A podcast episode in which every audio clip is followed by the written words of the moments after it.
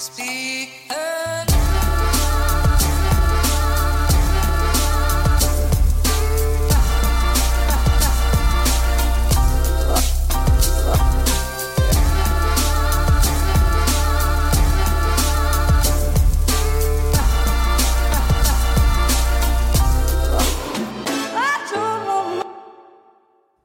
Hallo og god dag, og velkommen hit til Klagemuren med Kevin Kildahl. Det er tirsdag 9. juli. 9. juli.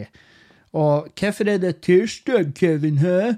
Hvorfor er det? Begynner du å slippe? Begynner du, begynner å miste taket, Kevin? Har du ikke lenger kontroll over livet ditt? Jo, jeg har det. Men det er mange grunner til at det ble i dag og ikke i går. Og uh, hovedgrunnen er jo hun Julianne. For uh, min kjære fru hun feira bursdag i går. Hun ble uh, 27 år gammel. Oi! Det var nært, Kevin. Det var veldig nært. Og i tillegg eh, fordi at det er sikkert flere av dere som tenker at uh, feirer bursdag hele jævla dagen. Er det sånn fra du står opp om morgenen og hurra, gratulerer med dagen, nå skal vi feste hele dagen. Nei, jeg må faen For da, eh, vi skal komme tilbake til det. Men eh, jeg har fått meg fått meg jobb, skulle jeg si. Jeg, jeg hjelper til på, på ølbryggeriet i Bodø. Bådin, Bådin ølbryggeri. Um, så jeg å hjelper til der fordi at um, fordi at jeg kjenner han ene som er med og driver der. Uh, og så sa han at de var litt lite folk nå i sommer pga. permisjoner og alt mulig rart. Så da sa jeg ja, ja, si ifra, så er jeg med og hjelper til. Og så fikk jeg dagen etter beskjed om at ja, hvis du kan, så, er, så hadde det vært fett om du kunne komme i morgen. Og da var det sånn, ja, ja, greit. Så jeg har vært Sorry, jeg har noe, jeg har noe i halsen. Men jeg har vært og jobba på Bådin. Jeg var der på mandag, og jeg var der i dag, og jeg skal i morgen. Så det er faen meg Kevin, han jobber. For første gang på jeg vet ikke hvor lang tid, så har jeg hatt eh, normale arbeidsdager. Sånn nesten. Jeg jeg har møtt opp klokka ti, for det var det jeg fikk beskjed om. Men eh, ti til fire eh, Tungt nok, spør du meg. jeg kjenner veldig på jeg kjenner, Herregud, jeg kjenner på den følelsen at fy faen, jeg er glad at jeg levde av livet jeg gjør. på den, altså At jeg har fått det til å fungere som komiker og podcaster og eh, tøysekopp. Fordi at eh, det er bare Det å ha en vanlig jobb, det, jeg kjenner det. Jeg kjenner at det her, det, det har ikke Altså, jeg har ikke savna det. Men samtidig så er det jo det å jobbe på Bodyen er jo eh, spennende, fordi at det interesserer meg jo for ølbrygging. Um, og nå har vi um, Det har jo ikke vært noe brygging så, så langt i mitt arbeids... Uh, I mitt arbeidsstykke der vi har tappa.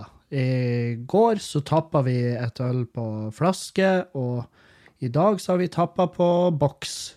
Eh, De har fått ei ny bokselinje. og det er jo veldig, det er veldig high end. Veldig den er fette ny. Den, den er altså så ubrukt at Og um,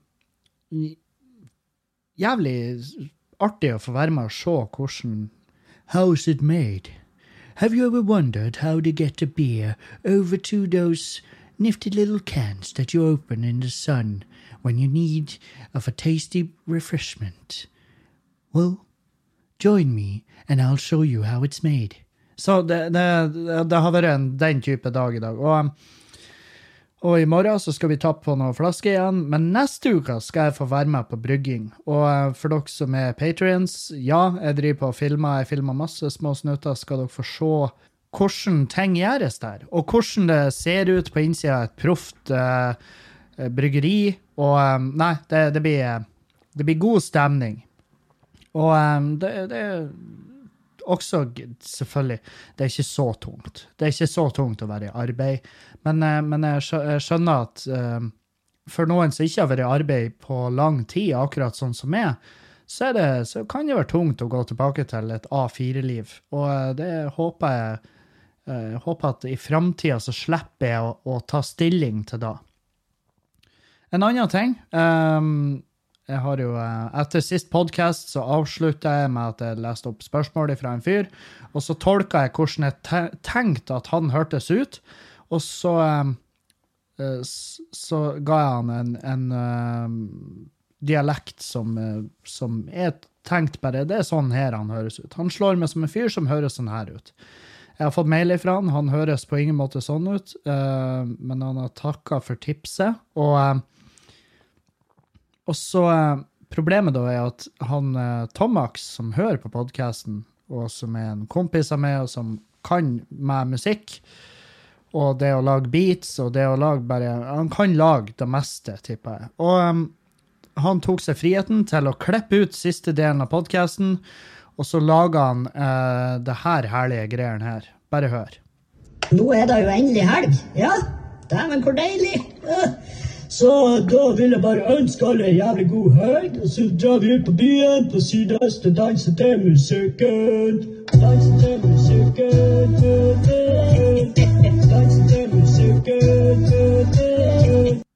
Ja, der er det skumle med å ha venner. Uh, å ha venner som ikke er arbeidsledige og ikke har et talent i det hele tatt, det er at man kan bli offer for, uh, for denne type greier. Og, eh, og jeg har fått ufattelig Jeg la den ut på Instagram, og jeg har fått ufattelig masse meldinger fra folk som er sånn her, «Å, 'Når kommer den sangen ut? Skal dere lage den ut på Instagram eller Spotify eller hvor nå enn i helvete?' Og den blir ikke lagt ut. Det blir eh, ikke laga en ferdig låt, og det blir ikke lagt ut. Og det verste av alt er at jeg tipper Hadde jeg og Tomax uh, lagt våre uh, hjerner i bløt, så kunne vi ha laga musikk eh, som, hadde, som hadde virkelig eh, Det hadde fenga nok til at vi hadde nådd en eller annen form for lista. Og, men dog så er det, det er virkelig ikke denne type greier verken jeg eller han Tomax liker å gjøre. Um, vi har ikke plass i hverdagen vår til å reise rundt og gjøre, uh, gjøre tøysemusikk. Og um, det, det, der er folk i den type Der er folk i den sjangeren, og de trives der, og jeg skjønner da, fordi at det er hinsides Altså, det er penger. Det er snakk om penger som er, som er Det er fuck you-penger, nesten. Så mye penger er det i det. Og da er det, det, det er jævlig demotiverende å tenke på på en måte, men samtidig så er jeg veldig glad for at jeg har i hvert fall et fnugg av sjølrespekt som gjør at nei, jeg blir ikke å lage meg en karriere av å lage sånn her eh, russemusikk. La Tix, Katastrofe, Staysman, det gjenget um, holde seg til eh, Ja, la de gjøre sin greie, og så skal ikke jeg inn og vandre på det markedet der. Jeg har ingenting der å gjøre, jeg føler meg ubekvem bare med tanken. Og, og all ære til de som får det til å funke. Um, Staysman han har jeg møtt flere ganger, og han er en kul fyr. Jeg liker han. Han er hyggelig, og jeg tror han vet også uh, Jeg tror han er skrekkelig klar over hvordan musikk han lager. Og jeg, og jeg tror ikke han jeg tror ikke han tror at det er det her det vi blir å høre på om 30 år, akkurat sånn som vi hører på Metallica den dag i dag. Jeg tror ikke han tror det sjøl, at det her blir det nye klassikeren. Nei, det blir ikke det, og det vet han. Det vet han, at han er en glup fyr. Men han er også veldig glad i penger, og så tror jeg han også er glad i å feste. Jeg tror han liker fansen sin, det må han gjøre, ellers så har han jo blitt gæren for mange år siden. Men eh, ja, nei, all ære til de som greier å få det der til å gå rundt. Så, da har jeg forklart litt hvorfor vi er seint ute. Vi, etter jeg kom hjem fra jobb i går, så for jeg og Julianne utover til eh, bestefaren hennes, for han har jo eh, praktisk nok bursdag på samme dag. Han har bursdag på akkurat samme dag som hun. Eh, de er jo ikke De, de, de er ikke like gamle, slapp av. Nei da. Men eh, det var full halloi der ute, og så for jeg og hun rett derifra eh, ut til Hundholmen, og så spiste vi, og så drakk vi litt vin, og så for vi hjem, og så så vi en episode av en serie, og så la vi oss. Og det er Og that's it. Det, det var, det var eh, gårsdagen. Og derfor så, derfor så ble det ikke i går. Ble det ikke podkast i går, men det er det som er det fine med podkast, det at det er gratis å høre på, og av og til så må man ta seg friheter. Og jeg har fått meldinger fra flere her som lytter og sier Kevin, du må gjerne ta deg en ferie. Men eh, nei, hvem vet? Hvis jeg plutselig får det over med at nå trenger ferie, så tar jeg ferie. Det er sånn det er sånn jeg fungerer. Jeg gidder ikke planlegge, vi skal ikke reise noen plass. Så hvorfor, eh, hvorfor stress? Eh, jeg har også fått ei melding uh, fra en lytter at kommunisme har aldri vært prøvd i praksis, og det kommer mest sannsynlig aldri til å bli det. Um, og um, Så det måtte jeg jo selvfølgelig google, og det er mange, mange artikler som støtter opp under den påstanden. Fordi at ekte kommunisme, sånn, sånn Karl Marx, liksom, eller hva han heter, det, det har ikke vært gjort i sin helhet i, praksis. Så og det, vil, og det står også i artiklene at det vil bli for vanskelig. Det vil ikke la seg løse å gjøre det i, i å, å, få det ut der. Så, så da vet vi da. Da vet vi da, folkens, at kommunisme har aldri vært prøvd i praksis. Og det blir neppe da. Fordi at den omstillinga som må til for å få da, å få da opp og gå, det, det, blir, det blir en helvetes operasjon. Da blir det Det må, det må en kataklysmisk event til for å få det her til. For å få, det, for å få i det hele tatt muligheten til å innføre ekte kommunisme. Så, så da har vi lært noe. Jeg har lært noe fra googlinga mi. Og, men samtidig så, så vet, jeg, vet, jeg, fortsatt ikke så mye om hva kommunisme er. Jeg, lurer på om det går an å forklare kommunisme i korte trekk. Gi, meg, For dere blir det jo et millisekund, men jeg skal faen meg prøve det. Det må jo gå an å google det. OK, eh, klasseløst samfunn, eh, felleseie og eh, brorskap. Eller søsterskap. Slapp av. Uh, men ja um, Ja. Jeg ble, jeg, ble, jeg ble, ikke sånn sykt mye klokere, men jeg tippa jo en av lytterne her blir å arrestere meg på det, den setninga jeg sa der, og så blir de å sende meg en fem siders lang mail som jeg da må sitere i neste podkast og si beklager, jeg tok feil. Det viste at eh, det handla egentlig om eh, Kommunisme er egentlig et fint ord for det du gjør når du selger eh, produkter for Herbalife. Det er kommunisme. Jeg vet faen. Men, men, i hvert fall så har jeg fått, fått beskjed om at det har aldri vært gjort i praksis. Er det ikke fint med en podkast hvor en fyr bare har fuckings ingen peiling på politikk eller ideologier og sånn der, og samtidig ikke bryr seg så masse. Jeg bryr meg jo om mine ting, jeg bryr meg om masse. Jeg har en, jeg har en mening og en tanke med det meste, men, men hvor jeg havner, det vet jeg jo ikke. Uh, valgomaten ville ha med enten på Rødt eller på SV. Det, og jeg har tatt mange forskjellige typer valgomater i ettertid, fordi at folk bare det kan jo mulig stemme. Og så gjorde jeg det igjen og igjen og igjen, og det er der jeg ender opp. Så hat med den som vil, men det er jo Jeg har jo ingen Jeg har ingen jeg har ingen funksjon, jeg har ingen nedslagsfelt som gjør at om jeg hadde villet endre politikken i Norge, så hadde det hadde ikke skjedd noe. Fordi at For det første, jeg hadde ikke sluppet inn i et hus der det var seriøse politikere som gjorde noe som helst. Og samtidig så ehm, så eh, er det veldig få som ville stemt på hva nå enn La oss si jeg hadde stilt til valg. Det er jo ingen i sitt rette sinn som hadde stemt på meg. Fordi at de som vet hvem jeg er, vet jo uh, for det første hvem jeg er. Og for det andre så vet de at jeg er en eh, køddkuk, en idiot, og jeg gjør masse, masse rare valg som ikke gir mening bestandig. Og det er ikke den type fyr du vil ha i noen form for embetssete. Så ja, det er det fine med livet mitt. det er at jeg trenger, ikke å, jeg trenger ikke å være redd for at noen blir å legge ansvar på meg som virkelig jeg ikke burde ha. Burde ikke ha det. Det er, mer, det, er mer, det er, mer, sannsynlig at jeg begynner å selge badevannet mitt. Det, hvis jeg får meg et badekar Hvis jeg hadde hatt et badekar nå, så hadde jeg solgt badevann. Bare på skøy. Og jeg hadde, jeg hadde overdrevet. Jeg hadde vært ute og rulla i, i i møkk og kattpiss, og så har jeg sittet med i badekaret, og så har jeg tappa det vannet. Det skulle ikke vært sånn som uh, hun der Ja, for det er jo ei jente. Det er en sånn gamer, ei sånn gamergirl Hva faen hun kaller seg for noe? Hun uh, Influenser-tenåring, står det bare. Uh, søt jente med en Xbox-kontroller og ei lita krukke med sitt eget badevann, som hun har da tappa i små niftige krukker og satt en liten uh, en liten logo på. Der står det Gamer Girl Bathwater. Og det selger hun for 35 eller 30 dollar per pop, og folk kjøper det. Um, så det er jo eh, Det er jo uh, både forferdelig og kjempeartig å høre at uh, det er et marked for sånne ting. Uh, jeg tenker jo sånn der uh, Ja ja, la henne nå gjøre det.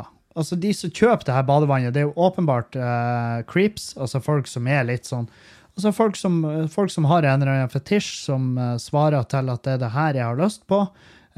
De, de, jo, de elsker sikkert hun Bertha, fordi hun ser ut som en anime-figur, og det er da de trenger livet sitt. Og så selger hun badevannet sitt, og de tenker vet du, det er rett oppi mi gata. Det er rett oppi da Det er akkurat da jeg trenger. Det er badevannet til hun Bertha der.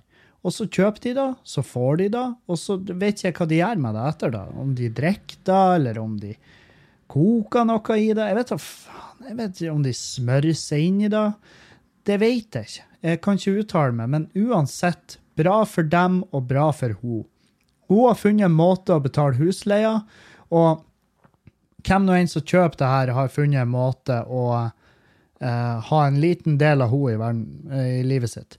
Det, det, det som har vært pissa artig, det var hvis det fantes en sånn superforsker, som, altså en sånn skikkelig sånn Dr. Evil-type, som da hadde kjøpt badevannet hennes, og så har han funnet en liten en hudcelle eller noe, og så hadde han klona henne. Han hadde klona henne ti ganger i laben sin i kjelleren. Så plutselig var det massevis av sånne gamergirls som bare lå i badekar døgnet rundt, og så livnærte han seg på å selge badevannene òg, fra klonene til gamergirl. For det, det, altså det eneste som er mer eksklusivt enn badevannet til hun der jenta, det må jo være badevannet til klonene hennes. Helvete, det hadde vært noe. Og jeg, jeg, det har jo vært en det har vært en dritdårlig hær.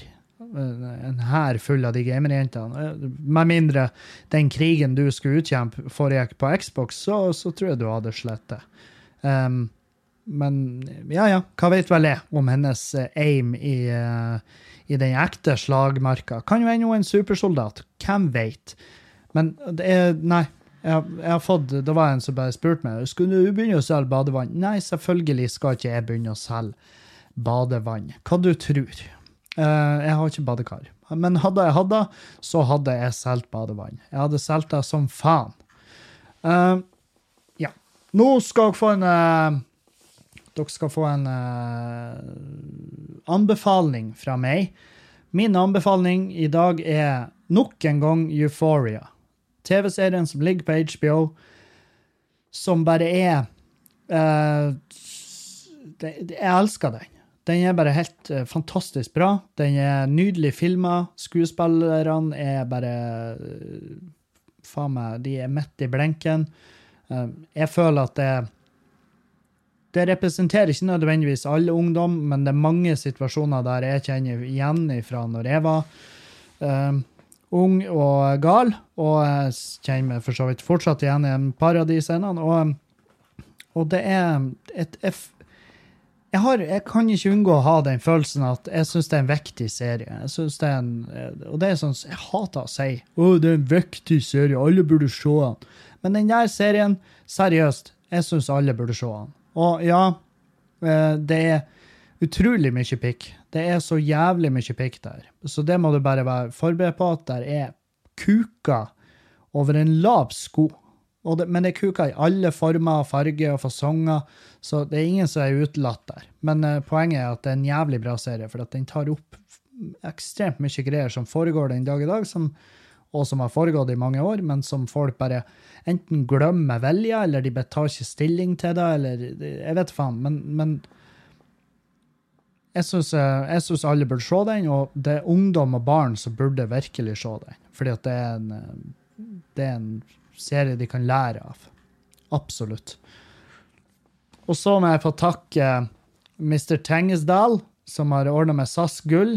Tenk da at det tigga i podkasten, og det kom igjennom. Tenke seg til. Helvete hvor glad jeg ble når jeg innså at jeg får faen Nå har jeg SAS Gull. Nå har jeg tilgang til lounge. Nå kan jeg gå på loungen hvis jeg følger for det, hvis det er en plass der de har lounge. Og, og det er Og det her eh, Det er bare fordi at jeg, må, jeg har lyst til å jeg har lyst til å boarde flyet før de jævla idiotene som ikke skjønner seg på priority boarding, for de står, står igjen og er bare helt idiot. Og da, det irriterer vettet av meg. Og så er det det her at jeg vil gjerne være på loungen. Jeg vil ha litt mer muligheter når det gjelder seter og ombookinger og sånne ting. Eh, så det, det er bare Så mye som jeg reiser, så burde jeg egentlig ha SAS-gull. Og jeg burde egentlig ha hatt det av egen maskin, men tydeligvis er det veldig vanskelig å oppnå eh, med å bare Jeg vet faen. Hvis du reiser eh, Jeg reiser hver helg, stort sett. Men det holder tydeligvis ikke. Fordi at det, det er ikke hver helg nok, skjønner? For det er jo noen helger der du ikke reiser, sånn som helga som var nå. Da reiste jeg ikke. Helga som var nå, da feira vi Da hadde vi fyllefeiringa av og Julianne. Da feira vi eh, bursdagen hennes i fjøsen. Full, eh, full halloi, masse folk. Så for vi ut på byen, og så for vi rett hjem igjen og nasja i fjøsen. Og eh, vi avslutta ikke før klokka ni på søndagsmorgen. Ni på søndagsmorgen gikk og la meg. Da, da, da var jeg sånn Jeg bare Helvete, hva det er slags russetid? Hva det er vi holder på med? Men det gjorde vi. Med god samvittighet så festa vi til ni om morgenen, gikk og la oss, og jeg sto opp igjen i to-tre-tida. Og eh, altså, hele søndagen Jeg var, jeg var helt jeg var, det, Alt gikk i sirup. Og, eh, men, men ja, dæven steike. Det, det skal sies at vi feirer vi feirer frøkna når hun først har bursdag. Det kan ingen ta ifra oss. Det der var ei ekte feiring. Så ja. Mm. Nå gleder jeg meg. Jeg bare, faen, jeg sitter og stresser, og samtidig som jeg gleder meg til høsten. Jeg, øh, å reise ut og gjøre show, og folk har kjøpt billetter og overalt. Det er altså Spesielt altså, typisk Bergen. Bergen øh, er veldig glad for at dere handler billetter. Fortsett med det. Og um, hvis du bor i Bergen og har tenkt deg på det showet, ikke kom og syt når det blir utsolgt, fordi at um, det, det er solgt mye. Så, um, så du, du, ikke, kom, ikke send meg en melding etterpå bare 'Du, jeg uh, har ikke råd. Jeg, jeg, jeg har råd, men jeg rakk ikke å kjøpe billett til det showet ditt på Riks, og jeg lurte på om du kunne kanskje tenke deg å fronte meg min- Nei, motherfucker, du kan kjøpe billett sjøl. Jeg er blakk som faen. Jeg er så blakk at det er helt sinnssykt. Jeg, jeg har ikke planlagt sommeren eh, økonomisk. Jeg er kjempeblakk. Og em, så kjøp billett sjøl, eller vær hjemme. Det, det er så enkelt det er da. Og jeg, har all respekt for de som blir hjemme, men de jeg ikke har respekt for, er de som syter over at de ikke rakk å skaffe seg billett. Fordi at min sympati, den strekker seg akkurat like langt som en uerigert penis gjør ut ifra kroppen min. Og det er ikke langt. Det er rett ned. Så det er ikke noe sympati der. Det er det jeg prøver å si her. Det er ikke noe sympati, det er bare forhud av det som en gang var sympati. Så um, Men ja. Jeg har ikke planlagt sommeren. Jeg har ikke planlagt sommeren økonomisk, så eh, hvis det er interesse nok, så setter jeg opp en eh, Fjøsen Live 10. august. 10. august, eh, og det er det første på faen meg Det blir vel Det blir første i år, blir det ikke det? Jeg tror det blir første i uh, 2019. Uh, og Fjøsen Live, da blir det med og noen andre komikere. Så gi lyd hvis det er interessant å hive seg med på det. 10. august i Bodø, Fjøsen Live. Eh, Nøden Live. Du kan kalle det Nøden Live. Kall det, kall det hva faen du vil. Kall det rein Reinhekla nødhjelp, men det blir jo nødhjelp med masse øl og god stemning og fest og halloi og standup i Fjøsen, på Fjøsen Live. Ta kontakt, så ordner, de, så ordner vi med billett. Der. Da, eh, da har vi gjort det. Da har vi gjort det enda mer skamløse tiltak for å få denne sommerkabalen til å gå opp. Uh, jeg har også fått spørsmål om jeg kan uttale meg om det er denne saken her at, eh, ja, i VG. I august i fjor sendte mannen, eh, og det her er en mann da, som, har, som skulle møte i et jobbintervju på posten. Og så han sendte SMS til uh, hun dama som, skulle, som skulle intervjue han. Og så sendte han en SMS da, og skrev Hei, jeg vil bare informere deg om at jeg ikke håndhilser grunnet religiøse respektritualer. Hilser derfor verbalt. Sier ifra slik at vi slipper kleine situasjoner. Håper du forstår. Takk, med vennlig hilsen navn, Navnesen. Um, og da har hun svara hei, dette er ikke noe jeg kan forholde meg til. Da kan jeg dessverre ikke møte deg. Beklager. Og det er da en fyr som da ikke håndhilser på kvinnfolk pga. av religiøse grunner. Uh, og da fikk han uh, svar at du, da kan du fuck off. Altså på en høflig måte svare, og da kan du fuck off. Fordi at hvis du ikke kan håndhelse som vanlige folk, så kan, så, er, så kan ikke du jobbe her. Og da vil ikke jeg ha det møtet med deg. Og han har jo selvfølgelig anmeldt, uh, saksøkt for hva det var det heter? Um, trakassering? nei, det er ikke trakassering, det er diskriminering. Og um, han har fått uh, avslag på det. Og uh, det er Og her er, her er det. Jeg har respekt for at uh, folk, folk, må få tro hva de vil. Det er Folk må få lov å tro hva de vil, og jeg har jo, dere vet jo hvor jeg står når det gjelder religion. Og det er faen meg, det er uansett hvilken religion det er. Om det er kristendom, scientologi, om det er islam, eller om det er Det, det, det er ikke nøye. Det er ikke nøye. Jeg syns det er piss. Og jeg syns det er rart. Jeg syns det er kjemperart. Og det er vanskelig for meg å forholde meg til folk som påstår at de hører stemmer, og um, lever etter uh, ei bok skrevet av folk som enten har tygd katt eller drek, drukket vin i årevis på, uh, på uh, menighetens regning. Og um, og nei, så, så, mitt forhold til religion er at jeg, jeg, jeg syns det er piss. Jeg skulle gjerne ha avskaffa det. Uh, fordi at det, det, medfører seg jævlig mye trasige situasjoner, sånn som denne situasjonen, hvor han er så dypt i hva nå enn han tror på, at han bare ikke kan håndhelse på kvinnfolk, uh, som gjør han til en fyr som er vanskelig å forholde seg til. Er 100 på laget hennes i det her. Og, um, og det Altså, jeg har den her du, du, må få lov å tro hva du vil. Om, om du er en nazist, ja ja, vær da. Og om du er kristen eller om du er muslim, det er ikke nøye. Så lenge det ikke går ut over andre. det er det. Det er kardemommeby, altså kardemommeloven. Det er den jeg opererer etter. Så lenge du, Hva nå enn du gjør, så lenge det ikke går ut over noen andre, så gir jeg faen. Og så lenge du ikke bruker hvert ledige sekund du har i livet ditt til å tre deg nedover øynene mine som en sånn her enorm jævla pung som du teabagger med meg. Ikke teabag med meg med Mohammed. Ikke teabag med meg Jesus. Ikke teabag med meg en hva nå enn scientologer tror på. Ikke teabag, Jo, morkake. Ikke teabag med meg morkaka di. Men et henne i fred, og hold kjeft. Det, det, der står jeg. Og um, og det gjelder, det gjelder så mye. Eh, vi prata i helga om at uh, ytringsfriheten er død. Det, det, var liksom en av det var en av pratene vi hadde på bursdagen til Julianne, faktisk. Så var det en som sa at ytringsfriheten er død, fordi at uh, Det var ikke lov å si hva man ville lenger. Og jeg var sånn Ja, men du Ytringsfriheten er jo sånn at du har jo lov å mene og si det meste. Så lenge du ikke direkte oppfordra til hat eller vold, eller hvis du Egentlig bare kort fortalt, hvis du fucker opp dagen til noen, hvis du går og roper til noen 'din svarte satan', ikke sant, så har du ødelagt dagen deres. Fordi at da har du, da har du utøvd et, et rett individuelt rasehat, rett på person. Og, og dermed så kan du bli tatt for det. sant? Mens uh, hvis du kommenterer en nyhetssak på Facebook og bare 'Ja, det er sikkert en av våre nye landsmenn som har vært på ferde. Det er nå det jeg tror.' Så, så, er det ikke, så, så, kan du ikke dømmes for det. Selv om du fremstår som en gjøk, så kan du ikke dømmes for det.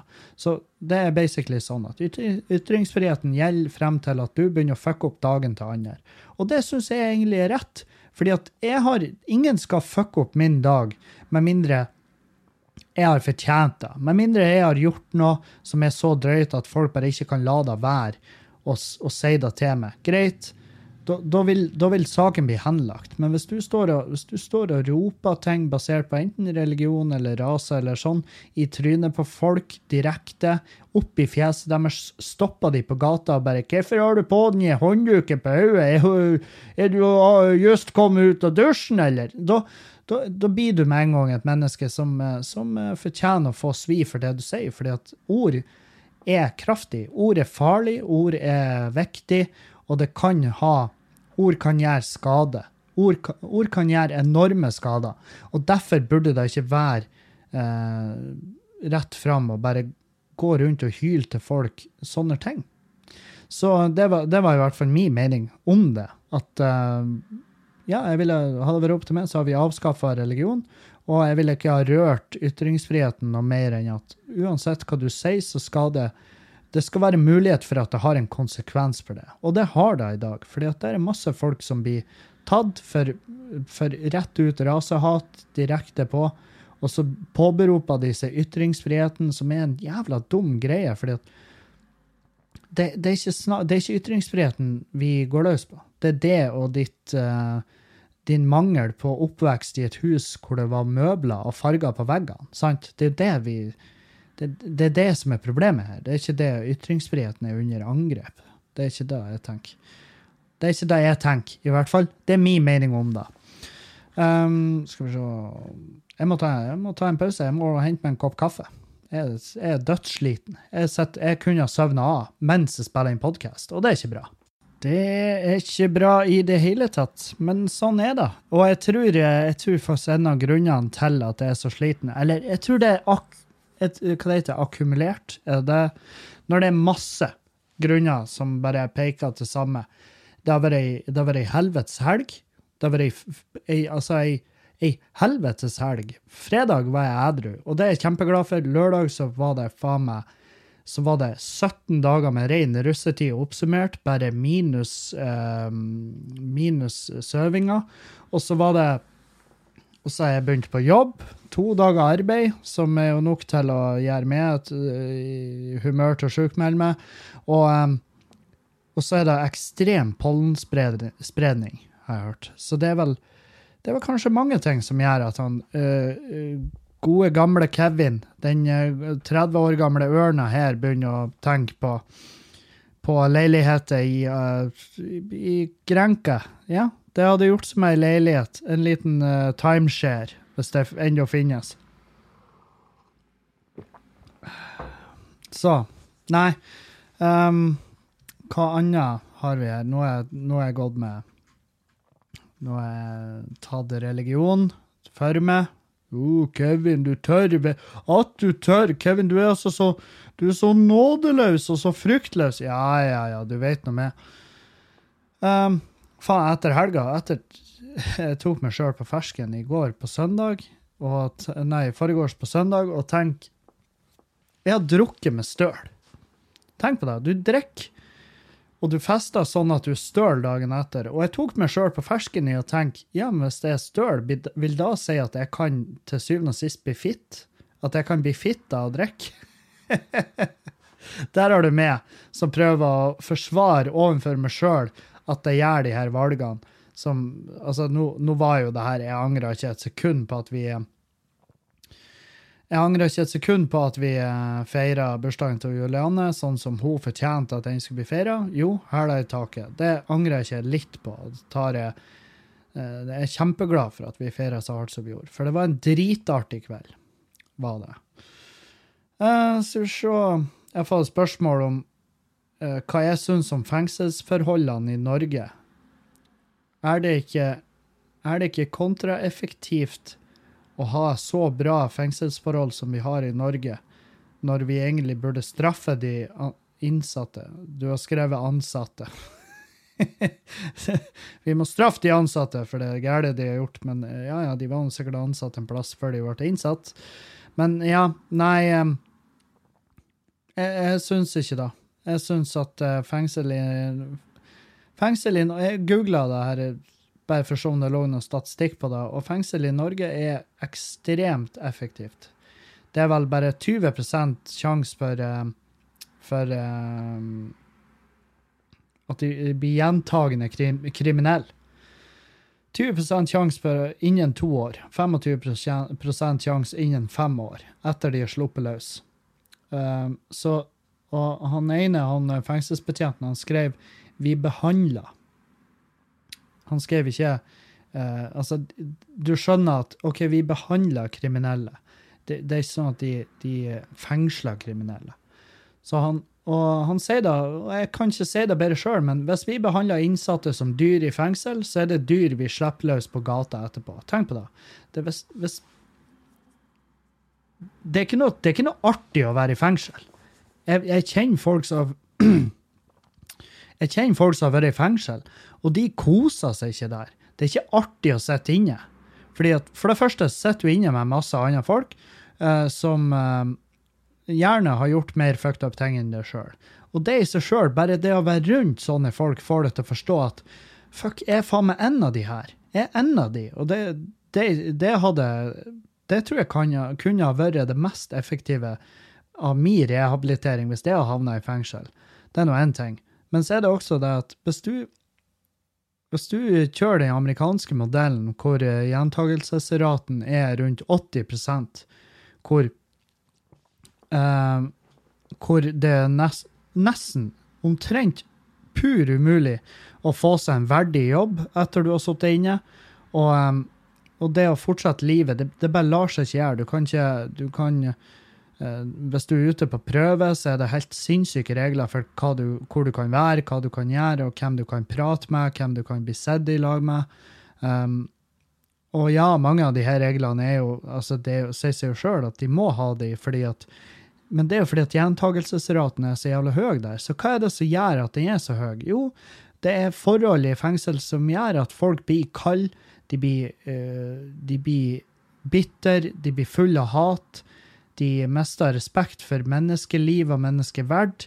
Og det skjønner jeg, for det, det, det er få videoene jeg har sett som er ekte fra fengsel i USA. Så tenker jeg, hadde jeg sittet inne der, jeg hadde kommet ut en farligere mann enn når jeg kom inn dit. Uansett hva jeg satt inne for. Så um, nei, jeg syns ikke Jeg syns ikke um, vi skal gjøre forholdene i norske fengsel noe verre enn da de er i dag. Det syns jeg ikke. Um, og så har jeg fått et annet her. Hei, Kevin. Hvordan ser du problemstillinga rundt bruken av skjulte opptak i barnas trygghet mot griseindustriens hemmeligheter? Intensjon, fremgangsmåte, etikk, måloppnåelse, personlig katastrofe, juridisk metode, pårørende etc. Og først og fremst, veldig godt spørsmål. Veldig godt spørsmål. Jeg har sjelden tenkt så hardt på noen av spørsmålene jeg har fått inn til denne podkasten her. Uh, du satte meg på en plass der jeg måtte virkelig sette i gang hjernen min. Uh, og uh, altså sånn Kan ta de punktvis, da.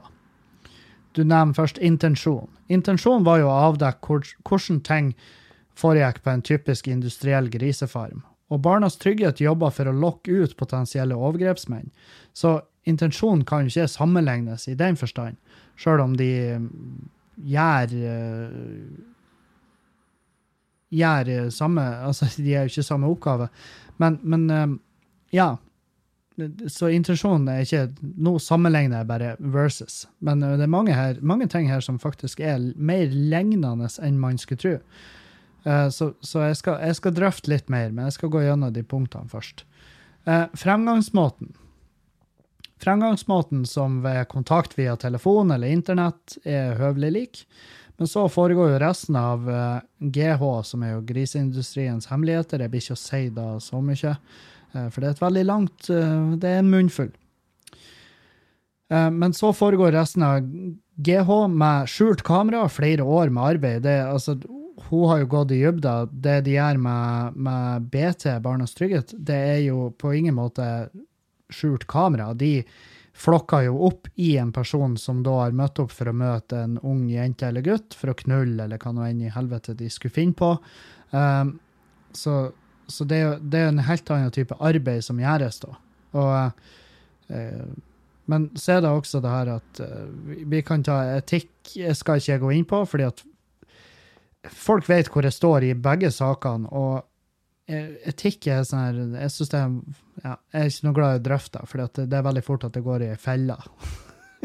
det er en grunn til at etikk er i egen utdanning. Er det ikke det? Er ikke det i høgskoleutdanning? Eh, Vi kan, vi kan prøve å få tak i en etiker, hvis det er noen som er det faktisk i Norge. Men måloppnåelsen er jo at eh, Ja, altså måloppnåelsen er jo at vi, her kan vi se de største forskjellene. I GH så har Mattilsynet og organisasjoner og landbruksminister gått inn for skjerpa tiltak.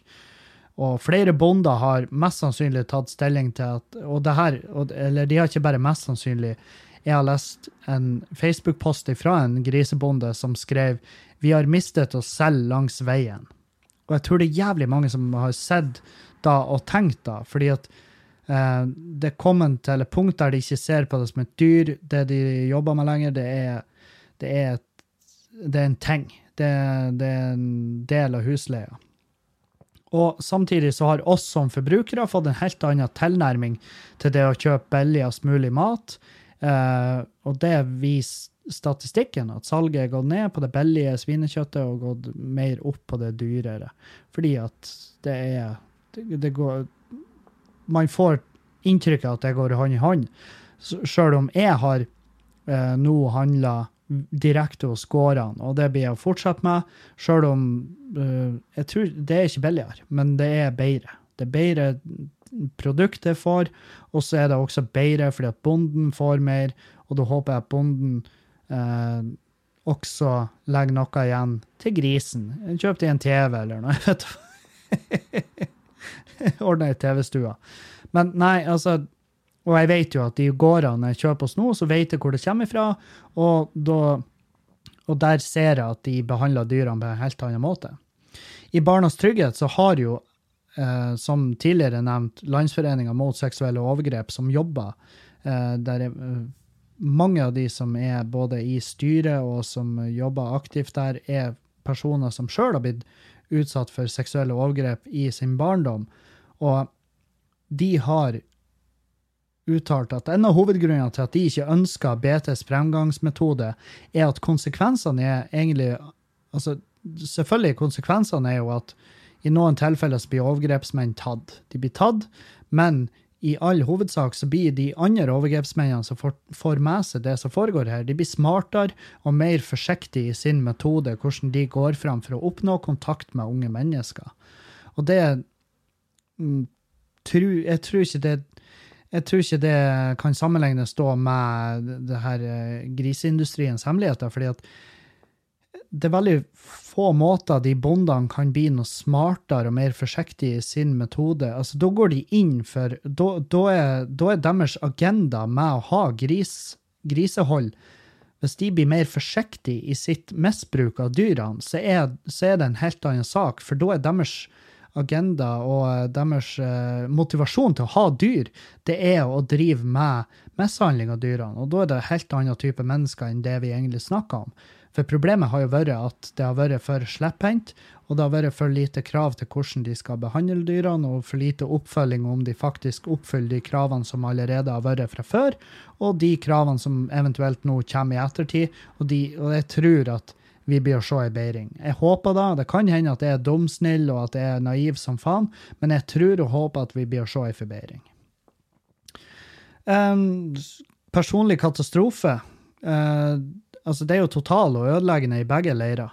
Både for de bondene som, uh, som ble Altså, de ble jo sensurert og alt det her, men de som vet hvem de er, vet hvem de er.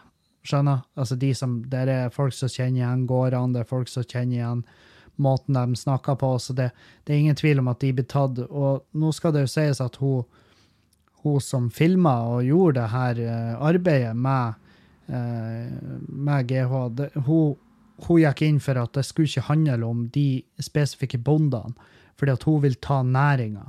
Og Altså, Sjøl om det i seg sjøl altså Det betyr jo ikke en dritt, for det har jo gått utover bondene. Og det er bonder som ikke har vært engang med i den dokumentaren, som har fått trusler og fått kjeft.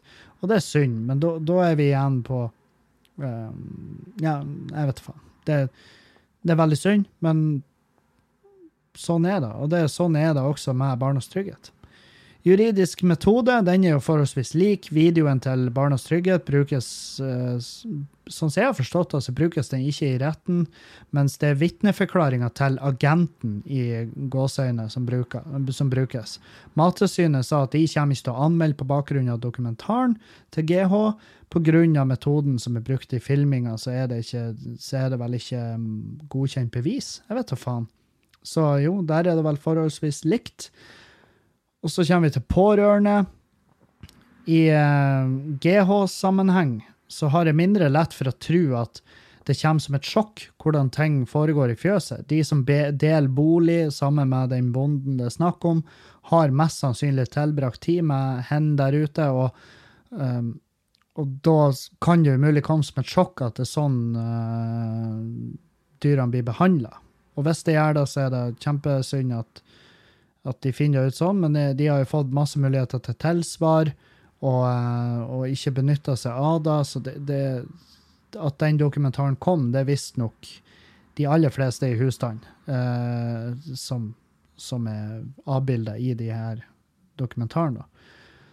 Når det gjelder Barnas trygghet, så er det en helt annen dimensjon av skam og overraskelse som brøyter inn over de pårørende. Hei, baby. Ja. Kommer du Går du bare rundt og er fin? Ja. Julianne har vært ute og sola seg, så da er hun naturligvis veldig fin når hun kommer inn døra her. Uh, ja, men ja, de pårørende i, barnas, i, i forbindelse med Barnas trygghet, så er det, en- det i mine øyne en helt annen dimensjon av skam og overraskelse som brøyter inn over dem. Og og det her er ofte Det her kan jeg Det her er, tror jeg veldig gjerne på at det er folk som ikke vet at faren eller broren eller sønnen deres oppfører seg sånn og har de her uh, Har den her type greier. Så, så det, det er en helt annen måte å finne ut på, da. Så det tenker jeg. Politiet har jo Altså som metodemessig så sånn, Politiet har jo muligheten til å gå undercover. Det, det gjør de jo i Norge. Eh, politiet har i flere saker lokka fram, eh, lokka fram eh, potensielle overgrepsmenn. Um, mens Mattilsynet går ikke undercover. De er ikke det. Og de var glad for den insekten de fikk via den eh, dokumentaren. Uh, Sjøl om det ikke nødvendigvis var rettskraftig, så så, så, så har de nok dratt en eller annen form for nøtte ut av det, og de vet jo hvordan går det er snakk om, og de blir fulgt opp mye tettere, og det blir gjort tiltak direkte ut av det. Politiet bruker jo samme metoden basically som Barnas Trygghet, bare at de er politi og er utdanna til å, og kurser og er fulgt opp til å ha noe med det her å gjøre. Politiet har jo snakka en del om risikoen med å møte potensielt farlige overgrepsmenn via Barnas Trygghet. Og, og jeg, kan jo tenke meg til at det er en risiko der med hun, hun eh, jenta som gikk og filma undercover i en fjøs òg. Hadde hun blitt oppdaga med det kameraet, så jeg, jeg kan ikke tenke meg til at de at, eh, at det hadde gått dritbra. Jeg kan tenke meg til at hun har fått juling. Det, det, sånn, det tror jeg. det tror jeg helt seriøst. Så det er, et, det er et jævlig bra spørsmål, for det fikk meg til å tenke på en helt annen måte. Selv om jeg kommer til å følge eh, Landsforeninga mot seksuelle overgreps anbefaling fremover, og ikke støtte Barnas Trygghet.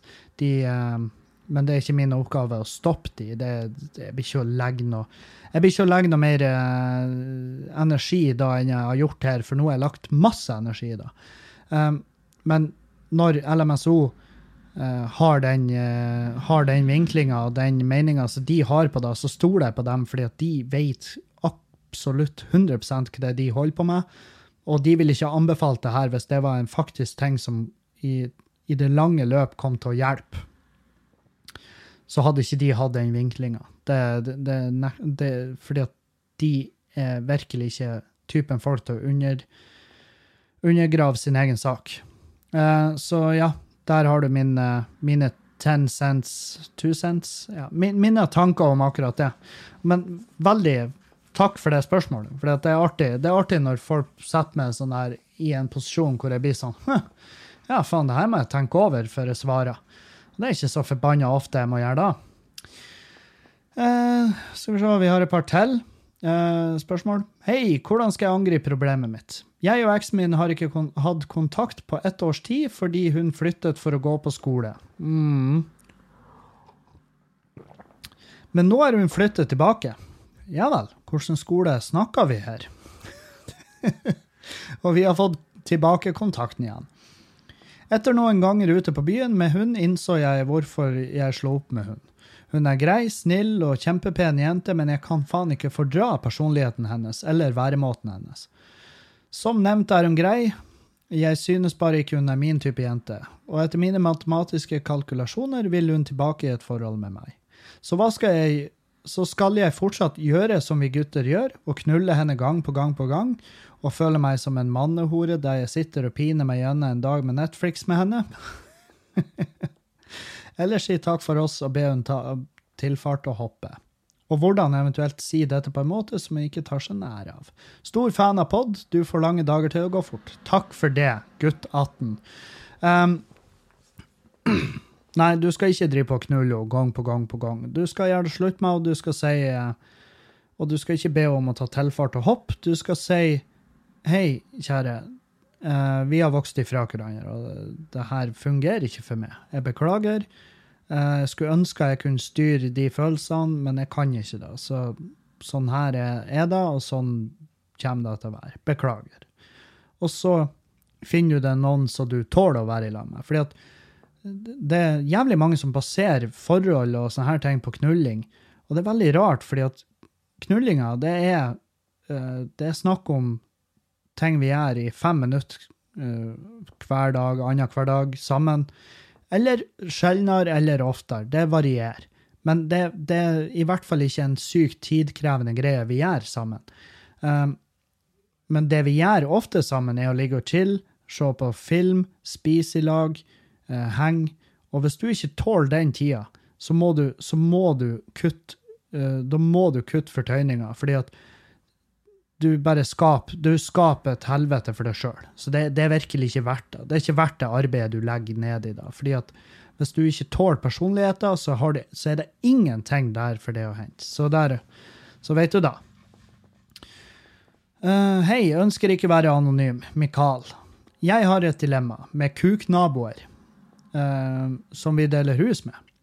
Det er fire, fire etasjer, og de bor i de to nederste, og vi bor i toppetasjene. Problemet mitt er at de bruker opp alt varmvannet hele jævla tida, så hver morgen når jeg skal ta meg en dusj, så er det ingen varmtvann igjen. Heller ikke når jeg skal ta oppvasken. Og hvis jeg står opp klokka fem for å ta en varm dusj, så står de faen meg opp og løper over gulvet for å dusje selv. Jeg hører dusjen der nede går hele tiden, vannrør over badet deres så vi får aldri dusja og vaska opp med varmt vann. Vi har gitt beskjed til husverten, og han gjør faen ikke en dritt, uansett hvor mye du maser. Så plutselig en dag, etter vi har vært på en tre ukers ferie, så fikk vi et anrop fra husverten, og han beskyldte min familie, som bor øverst, at vi hadde brukt så mye strøm. Du kunne høre at han var dritsint. Vi har verken oppvaskmaskin eller tørketrommel, men de nede har det. Så sa vi til han at vi hadde vært borte de tre siste ukene, at det måtte være de andre leieboerne. Men han kunne fortelle oss at, er at de hadde sagt at det var oss som hadde brukt alt, selv om det er de som bruker alt for å varme opp varmt vann og kjøre tørketrommelen hele tiden. De har til og med sagt at vi har kasta olje på trappa deres. Hva i helvete? Og forsøpla med kondomer og diverse utenfor. Ja vel. De synger karaoke klokken to på natten med sønnen deres på åtte år. Jesus fuck. Men når vi prøver å banke kjøtt for å marinere det, så tar de og slår i taket, osv. Ja, jeg skjønner. For your information, de er polakker. OK.